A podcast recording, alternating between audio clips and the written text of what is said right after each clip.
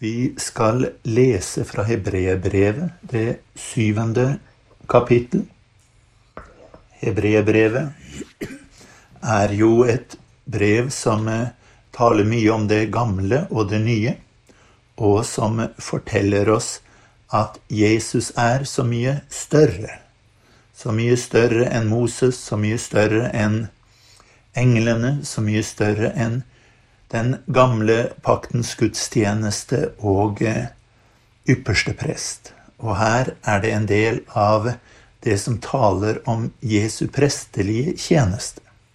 Og i Hebreerne 7,25 så sier han der Derfor kan han også fullkomment frelse dem som kommer til Gud ved ham, da han alltid lever for å gå i forbønn for dem. Derfor kan han også fullkomment frelse dem som kommer til Gud ved ham, da han alltid lever for å gå i forbønn for dem. Det er et vers som taler om frelsen, om frelsens storhet og om frelsens varighet. Han sier han kan fullkomment frelse. Han kan frelse fullt ut. Han kan frelse for evig og alltid. Alle dem som kommer til Gud ved ham. Det er den eneste betingelsen, om du vil, at man kommer til Gud ved ham. Ikke prøver å gå sine egne veier, ikke prøver å lage sin egen måte å komme til Gud på, men rett og slett kommer til Jesus, kommer til ham, kommer til Gud ved ham. Da kan han fullkomment frelse dem. Og det kan han gjøre fordi han alltid lever for å gå i forbønn for dem. Dem er jo altså de som kommer til Gud ved ham, og dem som han fullkomment frelser. Og begrunnelsen som hebreerbrevets forfatter her gir, er at han kan fullkomment frelse dem fordi han alltid lever for å gå i forbønn for dem. Og det jeg har tenkt å se litt nærmere på her i kveld, det er nettopp dette som dreier seg om Jesu prestelige forbønnstjeneste, og hva det betyr for oss. Vi skal eh, gå gjennom en del skriftsteder, så du kan velge om du vil slå opp eller ikke. Jeg kommer til å lese dem, og de kommer også til å være synlige på skjermen for de som har en skjerm de kan se. Hvis vi først ser i Jesaja 53, 12, Jesaja 53 er jo det store kapitlet om Jesus og hans forsoningsdød. Og der står det Derfor vil jeg gi ham de mange til del, og sterke skal han få til bytte. Fordi han uttømte sin sjel til døden og ble regnet blant overtredere, han som bar mange synd, og han ba for overtredere. Her snakker han altså om dem som Jesus døde for, og at han ba for dem. Vi ser også i Jesu liv her nede på jorden, så står det om hans bønner. I Lukas 22, 32 taler han til Peter, og der sier han, Men jeg ba for deg at din tro ikke måtte svikte. Jeg ba for deg at din tro ikke måtte svikte. Og når du en gang omvender deg, så styrk dine brødre. I eh, Johannes 17, 9, som eh, er en del av det som gjerne kalles for Jesu ypperste prestlige bønn, så sier han der, Jeg ber for dem. Jeg ber ikke for verden, men for dem som du har gitt meg, for de er dine. Jesus, han ba for sine. Legg merke til Jesus ba ikke for verden. Han ba for Peter her, og han sier 'jeg ber for dem', for apostlene. Jeg ber ikke for verden, men for dem som du har gitt meg, for de er dine. Hva betyr dette? Betyr det at vi ikke skal be for de ufrelste? Våre bønnebarn, de som vi tenker på, skal vi ikke be for dem? Vel, vi ser hva Paulus sier i Romerne 10.1. Brødre, mitt hjertes ønske og min bønn til Gud for dem er at de må bli frelst. Så vi ber også for de ufrelste. Det er en del av vår oppgave og vår tjeneste. Vi skal være med å vitne for de som er ufrelst. Vi skal be om at vårt vitnesbyrd lykkes, og at vi får lagt det frem på en rett måte. Men vi er også med å be for at de må bli frelst. Så vi har en bønn som gjelder også for de som ikke er frelst. Men her så står det om Jesus i Johannes 17,9.: Jeg ber for dem. Jeg ber ikke for verden, men for dem som du har gitt meg, for de er dine. Det er altså en spesiell bønnetjeneste som Jesus har, som ikke omfatter de som er ufrelst, som ikke omfatter de som er utenfor, men som omfatter de som er ham, de som er kommet til Gud ved ham. Dem, sa han, kan han fullkomment frelse, fordi han lever for å gå i forbønn for dem. Det er en del av Jesu ypperste prestlige tjeneste. Vi ser at Jesus en del ganger i løpet av sin tid her på jorden, så kommenterte han dette. I Matteus 10, 32 sier han derfor Vær den som bekjenner meg for menneskene. Ham skal også jeg kjennes ved for min far i himmelen. Her taler han igjen for sitt folk, og så forteller han at det er noe spesielt som skjer. Det er et spesielt forhold mellom Jesus og de som hører ham til. De bekjenner ham her nede, men han sier, 'Jeg kjennes ved dem for min far i himmelen'. Med andre ord, når vi hører ham til og lever for ham, så tilhører vi det, det folket som er omtalt i himmelen. Jesus, han hadde en prestlig tjeneste. I Hebrebrevet kapittel 3 og vers 1 så står det Derfor, hellige brødre, dere som har fått del i et himmelskall, gi akt på Jesus, den apostel og ypperste prest, som vi bekjenner. Jesus, han er vår ypperste prest. Det gamle testamentet, det var skygger og forbilder som skulle vise frem til den tjeneste som Jesus hadde. Og Hebrebrevet taler jo spesielt om hvordan Det gamle testamentets skyggebilder peker hen på det Jesus gjorde i virkeligheten. Men la oss se på eh, et par av de tingene som eh, ypperstepresten gjorde. For det første yppersteprestens død. Jesus døde, og Jesus døde som en ypperste prest. Og hva var det som skjedde ved yppersteprestens død? I Fjerde Mosebok 35, 25 så står det der Menigheten skal verge drapsmannen mot blodhevneren og la ham vende tilbake til den tilfluktsbyen som han var flyktet til. Der skal han bli til ypperstepresten, han som er salvet med den hellige oljen, er død. Her er det en del av lovgivningen som omfatter de som eh, kom i vanvare for å ta livet av noen, uten at de hadde ment det. Det var ikke deres forsett, det var ikke deres plan. De var involvert i en ulykke. Men for å berge dem så ble det opprettet tilfluktsbyer som de kunne dra til for å søke tilflukt. Og der, sier han, der skal han bli til ypperste presten er død. Og i 4. Mosebok 35, 28 sier han igjen for drapsmannen skal bli i sin tilfluktsby til ypperstepresten er død. Men etter yppersteprestens død kan han vende tilbake til den bygden hvor han har sin eiendom. Her igjen så forteller han om at det var noe som lå over denne drapsmannen inntil ypperstepresten er død. Men yppersteprestens død førte til en frihet. Da ypperstepresten døde, så kunne han vende tilbake til der han kom ifra. Han var fri. Før yppersteprestens døde var han bundet til å bli i den tilfluktsbyen. Men da ypperstepresten var død, så kunne han vende tilbake til bygden hvor han kom ifra. Han kunne gå tilbake til frihet. Og Jesus, han er vår ypperste prest. Da Jesus døde, så ble vi satt fri.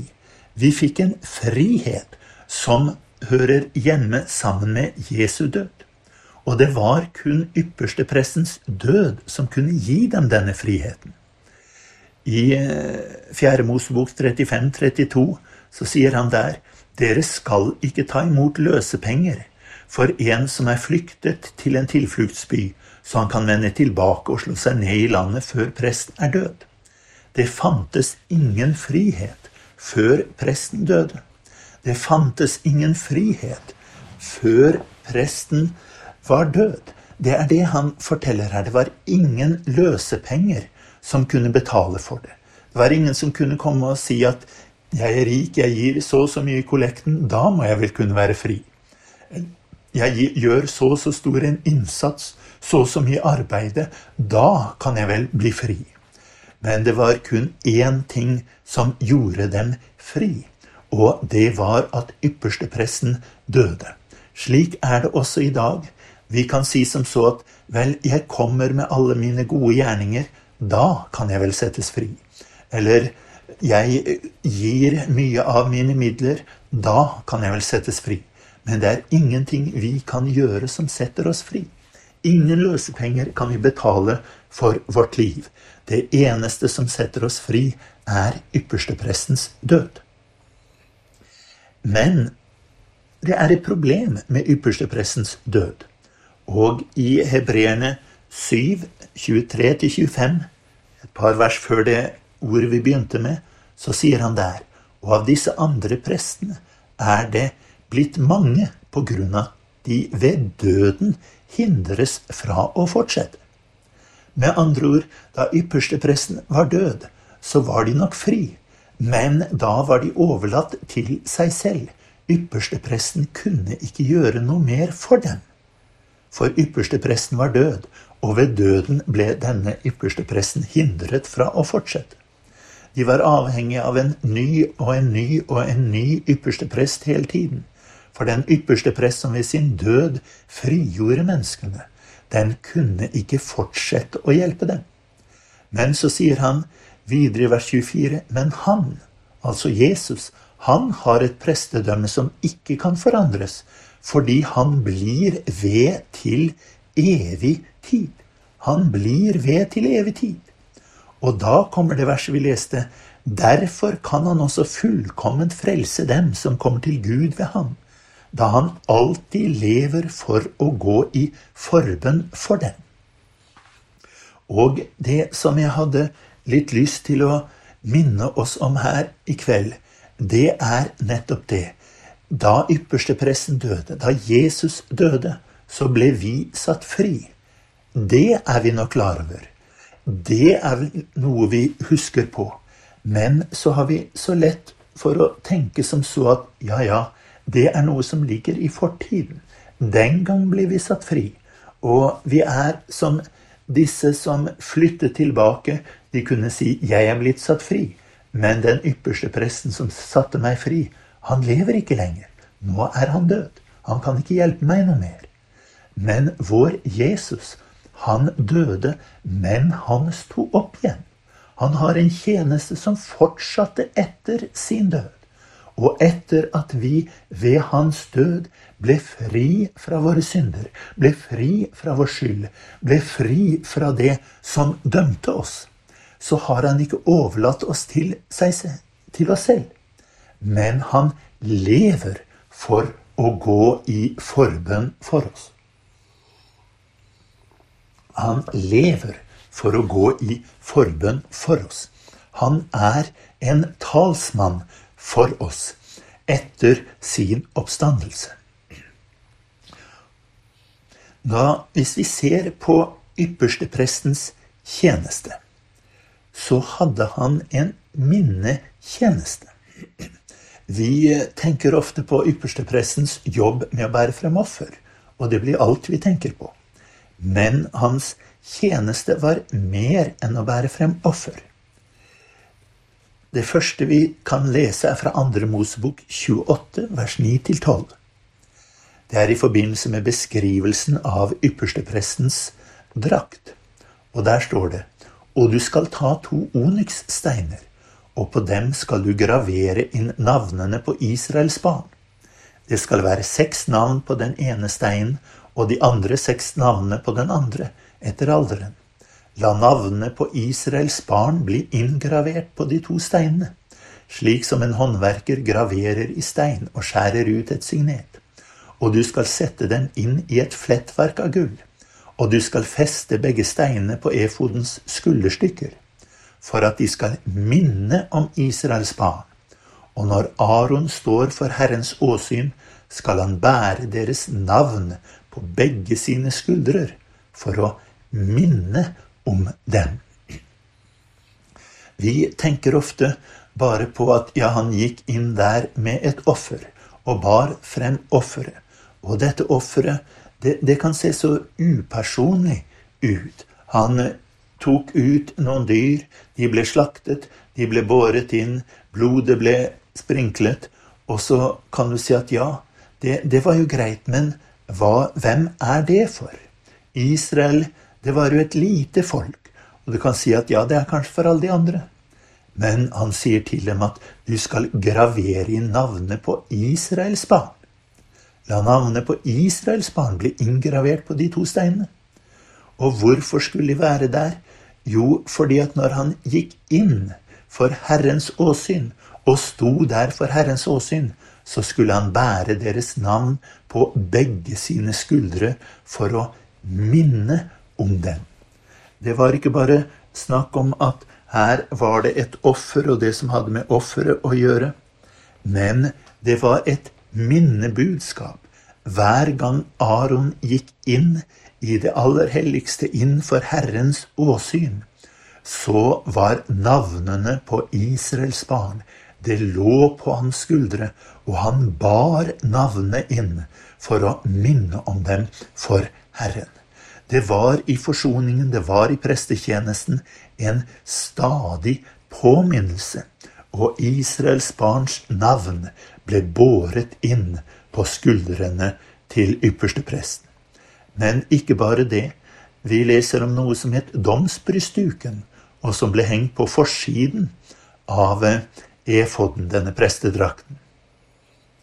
Og der sier han i 2. Mosebok 28,15.: Så skal du lage en domsbrystduk, kunsthåndverk skal det være, i samme slags veving som efoden. Den skal du lage av gull og av blå og purpurrød og karmosinrød ull og av fint tvunnet lingarn. Og i vers 17, og på den skal du sette fire rader med innfattede steiner. I én rad skal det være en karneol, en topas og en smaragd. Det er den første raden. Og så fortsetter han nedover. Og I vers 21 sier han stenene skal være tolv i tallet, etter navnene på Israels sønner, én for hvert navn. På hver stein skal navnet på en av de tolv stammene være inngravert, som på et signet.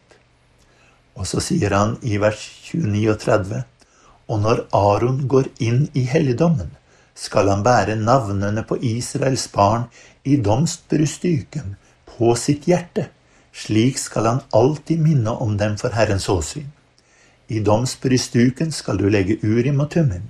De skal ligge ved Arons hjerte når han går inn for Herrens åsyn, så Aron alltid skal bære Israels barns dom på sitt hjerte for Herrens åsyn.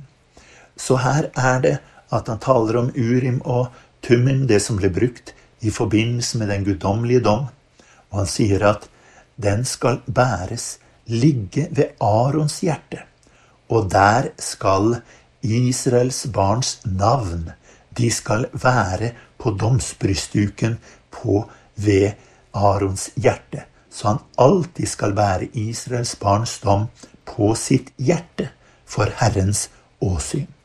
Og her ligger det et fantastisk bilde for oss. Da ypperstepresten gikk inn i helligdommen, så bar han Israels barns navn på sine skuldre, og han bar deres dom ved sitt hjerte. Det var to steder hvor navnene skulle være. Navnene skulle være på hans skuldre, så han kunne bære dem innenfor Gud. Og den skulle være ved hans hjerte, slik at dommen, den som man alltid blir utsatt for, den skal ligge ved Herrens hjerte. Det er ingen av oss som er fullkommen. Det er ingen av oss som kan si at vi aldri har syndet. Det forteller Salomo i sin bønn for tempelet da tempelet ble reist. Han sier det er ingen av oss som ikke synder. Men, sier han, den synderen som vender seg mot det stedet hvor Herrens navn bor. Han kan få oppleve en tilgivelse. Og det er det vi ser demonstrert her. Han sier i den daglige, i den stadige tjenesten som ypperstepresten hadde, så skulle han bære Israels barns navn på sine skuldre, og han skulle bære deres dom ved sitt hjerte. Det var ingen upersonlig dom, men alle deres navn var nær ved hans hjerte, for å minne om at dette er et elsket folk. Om de kan falle og feile, så er de allikevel et elsket folk, og de ble alltid en påminnelse for Herren. Det var en del av den ypperste prestlige minnetjeneste. Nå er det slik at vi lever her på jorden. Vi har et hverdagsliv. Og vi er på jorden. Og Jesus han dro herfra for å gå over til det himmelske. Men vi har fått en talsmann. Og her bruker Bibelen et veldig sjeldent uttrykk, uttrykket talsmann, og den brukes på to forskjellige måter. Det ene er at Jesus sier at her nede så skal Ånden være en talsmann. I Johannes evangeliet står dette flere steder. Johannes 14, 16. Og jeg vil be Faderen, og han skal gi dere en annen talsmann, for at han skal være hos dere for evig. I 1426.: Men talsmann, Den hellige ånd, som Faderen skal sende i mitt navn, han skal lære dere alle ting og minne dere om alt det som jeg har sagt dere.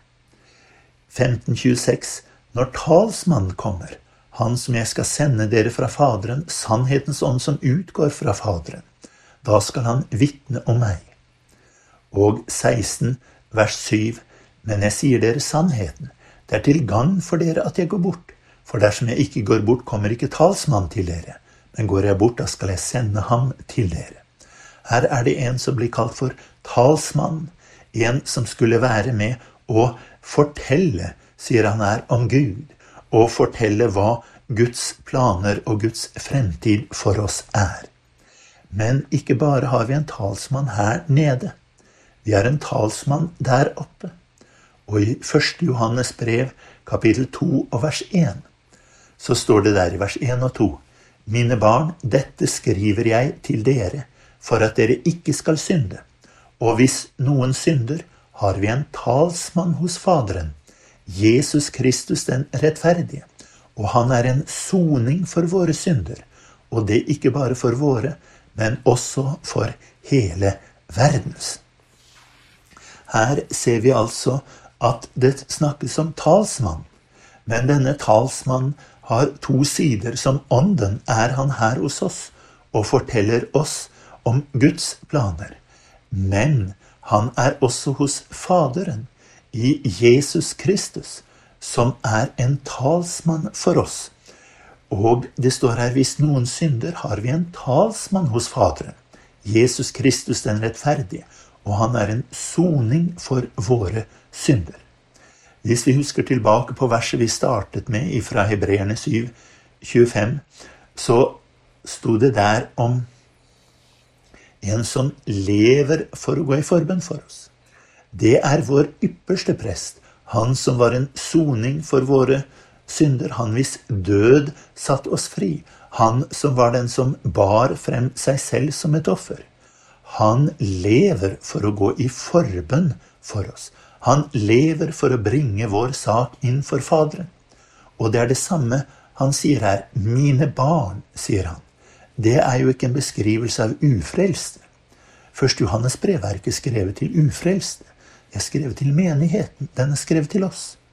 Vi som er troende, vi er mennesker som skal leve for Herren og leve rett for Herren. Vi skal ikke synde. Han sier her, dette skriver jeg til dere for at dere ikke skal synde. Men så er det noe vi vet, alle sammen blant oss, at slik er det ikke alltid. Noen ganger så faller vi i synd. Noen ganger så gjør vi ting vi ikke skulle gjort. Ting vi til og med vet at er galt. Men hva sier han da? Jo, da sier han hvis noen synder, har vi en talsmann hos Faderen. Jesus Kristus den rettferdige. Og han er en soning for våre synder. Her forteller han at dette soningsofferet var ikke bare en engangshendelse, men det var en engangshendelse med en varig påvirkning. Han er en soning, og som en soning for vår synd, så er han vår talsmann som bærer våre navn inn for Faderen. Tenk på det hvis du ser dette bildet av ypperstepresten. Han bar Israels stammers navn på sine skuldre og ved sitt hjerte. Men Jesus som vår ypperste prest, han bærer våre navn med seg inn i den himmelske helligdommen, og innenfor Guds rettferdighet så bærer han våre navn, der vi ikke ville klart å bli stående på egen hånd, der vi ikke kunne stått rak i ryggen og sett noen inn i øynene, så er Jesus der, og han bærer våre navn. Han bærer dem på sine skuldre, så han løfter oss opp. Han bærer dem ved sitt hjerte, så han kan bringe sin kjærlighet til det. Og dermed er han en talsmann hos Faderen, som bærer våre navn inn og sier 'Dette er dem som jeg døde for. Dette er navnene på dem som er innskrevet i livets bok. Dette er navnene for dem hvis, som mitt blod rant for.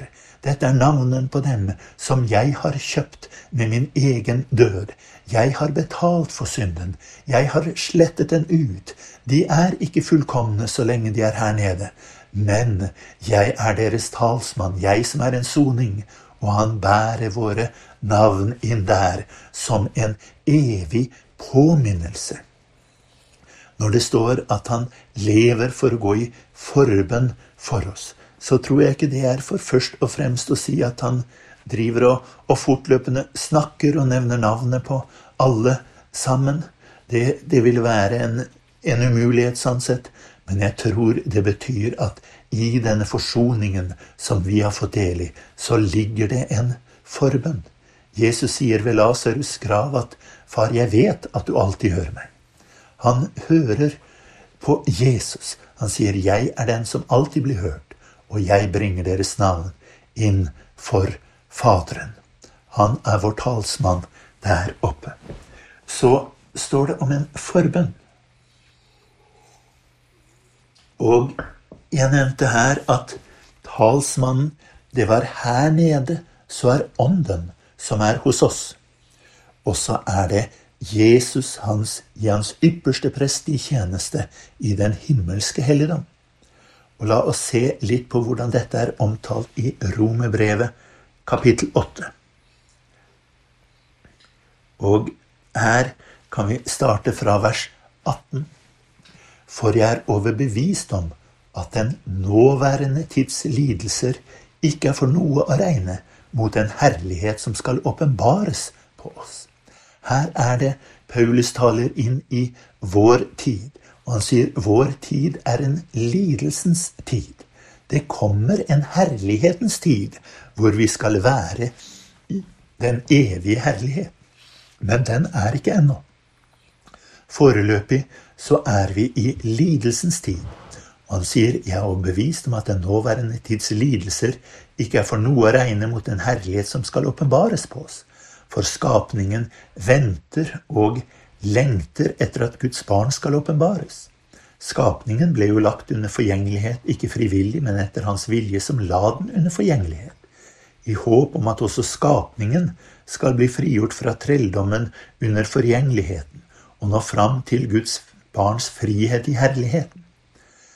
For vi vet at hele skapningen til denne stund sukker sammen og stønner sammen som i veer. Ja, ikke bare det, men også vi som har fått Ånden som førstegrøde. Også vi sukker med oss selv mens vi lengter etter vårt barnekår, vårt legemes forløsning. Her forteller altså Paulus at den tiden vi lever i nå, er en tid for lidelser. Det er en tid for forgjengelighet.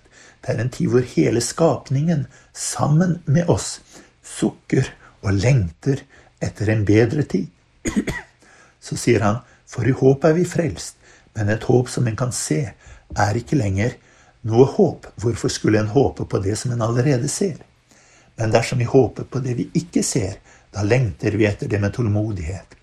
Og her kommer også Ånden oss til hjelp i vår skrøpelighet. For vi vet ikke hva vi skal be om slik vi burde. Men Ånden selv går i forbønn for oss, med sukk som ikke rommes i ord. Men han som gransker hjertene, vet hva Ånden trakter etter, for det er etter Guds vilje han går i forbønn for de hellige. Her er det at han skriver at her nede så har vi problemer, vanskeligheter, lidelser. Vi er i skrøpelighet, og vi vet ikke hva vi skal be om slik vi burde. Vi, vi, vet ikke hvordan skal dette løses. Hvordan skal vi komme ut av problemene? Hvordan skal vi utholde vanskelighetene? Hvordan skal vi klare vårt liv her nede? Men her er det at han forteller oss at Ånden går i forbønn for oss med sukk som ikke rommes i ord. Han har sendt oss en talsmann som kan tale her nede som kan tale inn i vårt liv hva som er Guds vilje og Guds plan, og som kan la oss vende oss til Ham med sukk som ikke rommes i ord. Og så fortsetter han, for vi vet at alle ting samvirker til gode for dem som elsker Gud, dem som etter Hans råd er kalt. For dem han forut kjente, dem har han også forutbestemt til å bli likedannet med Hans sønns bilde, for at han skulle være den førstefødte blant mange brødre. Og dem som han forutbestemt til dette, dem har han også kalt. Og dem som han har kalt, dem har han også rettferdiggjort. Og dem som han har rettferdiggjort, dem har han også herliggjort.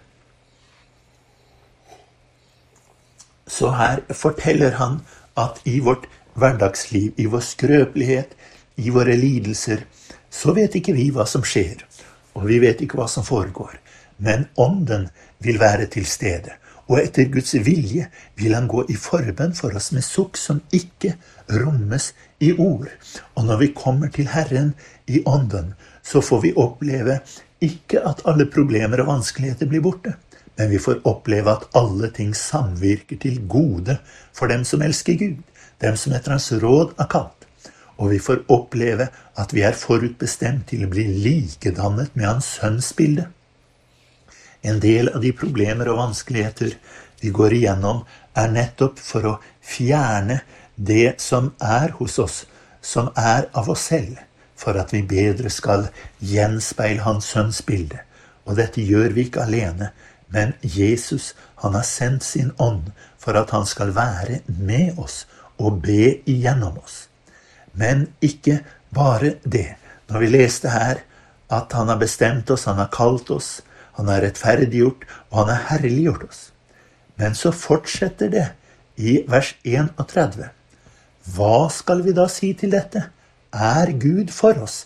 Hvem er da imot oss? Det første avsnittet startet med forgjengeligheten og hvordan ting så ut med våre øyne her nede. Men nå så flytter vi over, oss over til Guds perspektiv. Og nå snakker han ikke lenger om hvordan ting ser ut rundt oss, men nå ber han oss løfte øynene mot Gud. Er Gud for oss, hvem er da imot oss? Han som ikke sparte sin egen sønn, men ga ham for oss alle. Hvordan skulle han kunne annet enn å gi oss alle ting med ham? Hvem vil anklage Guds utvalgte? Gud er den som rettferdiggjør. Hvem er den som fordømmer? Kristus er den som er død. Ja, mer enn det som også er blitt reist opp, som også er ved Guds høyre hånd, som også går i forbønn for oss. Her ser vi at det er ingen fordømmelse. Hvorfor? Ikke fordi vi har gjort noe spesielt, men fordi Kristus han døde for oss. Men det er ikke alt. Så kan du si at kan man bruke et sånt uttrykk og si at det er ikke alltid at Jesus døde? Er ikke Jesu død så stor og fantastisk at man aldri bør glemme den? Og jo, det er den. Men Jesus har gjort noe mer. Det står Kristus er den som er død. Ja, mer enn det, som også har blitt reist opp. Som også er ved Guds høyre hånd.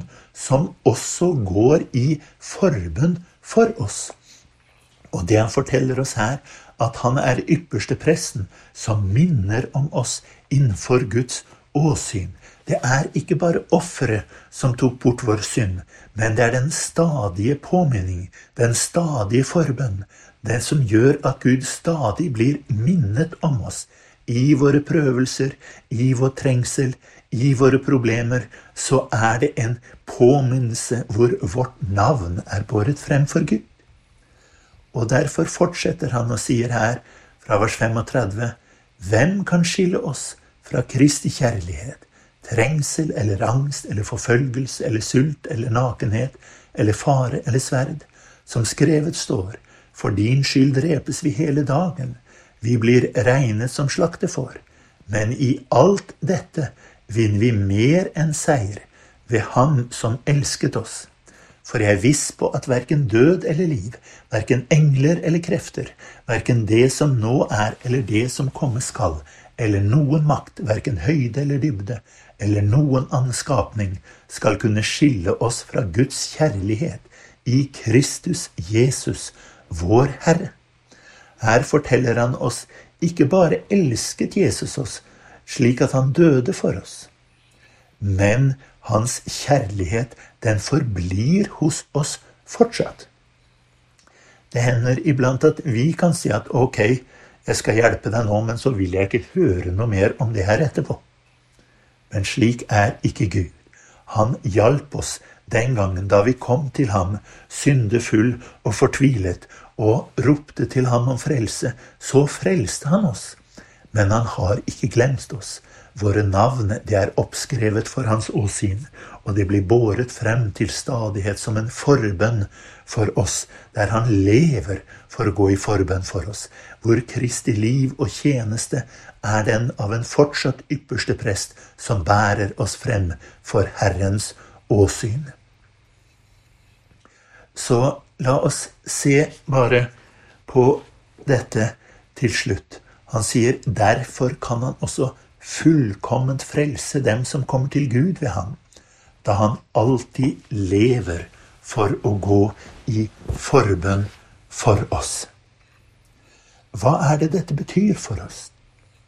Jo, det betyr at den Gud som ordnet vår frelse, det betyr at den frelse som vi fikk da vi en gang kom til Jesus, bekjente våre synder for ham og overgav oss til ham, da vi omvendte oss til ham og lot oss døpe i Jesu Kristi navn til syndenes forlatelse, og ble oppreist for å vandre i et nytt liv.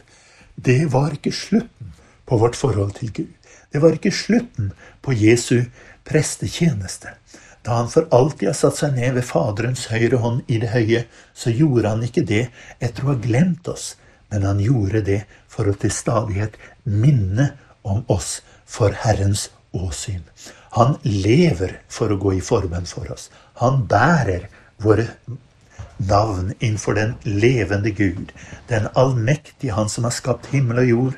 Han blir daglig, stadig minnet om deg og meg. Våre navn er oppskrevet for hans åsyn, og det kommer som en stadig minnelse det kommer som en velbehagelig duft innenfor Herren. Det kommer som en stadig forbønnstjeneste innenfor den levende Gud. Her er mitt folk. Her er det folk som jeg døde for. Her er det folk som er omfattet av min død. Det er en dom som kan komme over oss nå og da, men det er en dom som ligger nært ved Jesu hjerte. For domsbrystduken ble båret ved ypperste prestens hjerte. Og når vi føler at vi ikke klarer å stå innenfor Guds åsyn, så er det en som bærer oss på sine skuldre. Våre navn er på hans skuldre og blir løftet inn for den levende Gud. Jeg vil håpe at vi kan se dette for oss. Vi har ikke en ypperste prest som har gitt oss opp. Vi har ikke en Jesus som døde for oss, og som ikke bryr seg noe mer. Vi har ikke en som en gang frelste oss, men en som fortsatt lever for oss, og lever for å gå i forbønn for oss. Om du føler det er lenge siden du har hatt et godt forhold til Gud, han lever for å gå i forbønn for deg. Ditt navn blir løftet frem for ham. Så gå med frimodighet inn for nådens trone, hvor du kan finne miskunn og nåde til hjelp i rette tid. Kjære Gud og Far, jeg vil be deg, Herre Jesus, at du lar oss få se din sannhet, og la det bli åpenbart for våre hjerter, Herre. Jeg ber deg, er det et nedbrutt og fortvilet hjerte som hører på dette, Herre Jesus. Skinn ditt lys inn i dette hjertet, og si til dem, like som du en gang tok imot meg, slik kan du igjen komme til meg. Fortell dette hjertet, Herre. Like som jeg en gang døde for deg, så lever jeg for å gå i forbønn for deg og for å minnes deg innenfor den levende Guds åsyn. Takk, kjære Gud og Far, at Jesu prestetjeneste, den er evig, og den soner evig for vår frelse, og han kan fullkomment frelse alle dem som kommer til Gud ved ham. Å, Herre, vårt kristenliv er ufullkomment. Vårt dagligliv er ufullkomment. Men takk, Herre, at vi har en talsmann hos Faderen som er en soning for våre synder, og som bringer denne soningen stadig inn, Herre. Og vi har en ånd som er sendt hit ned, som vi kan ta imot, Herre, og som vil gi oss sukk som ikke rommes i ord, men som kan bringes frem innenfor den levende Gud, som en bønn for en situasjon vi selv ikke klarer å takle. Jeg ber deg, Far, åpenbar dette for oss i Jesu navn. Amen.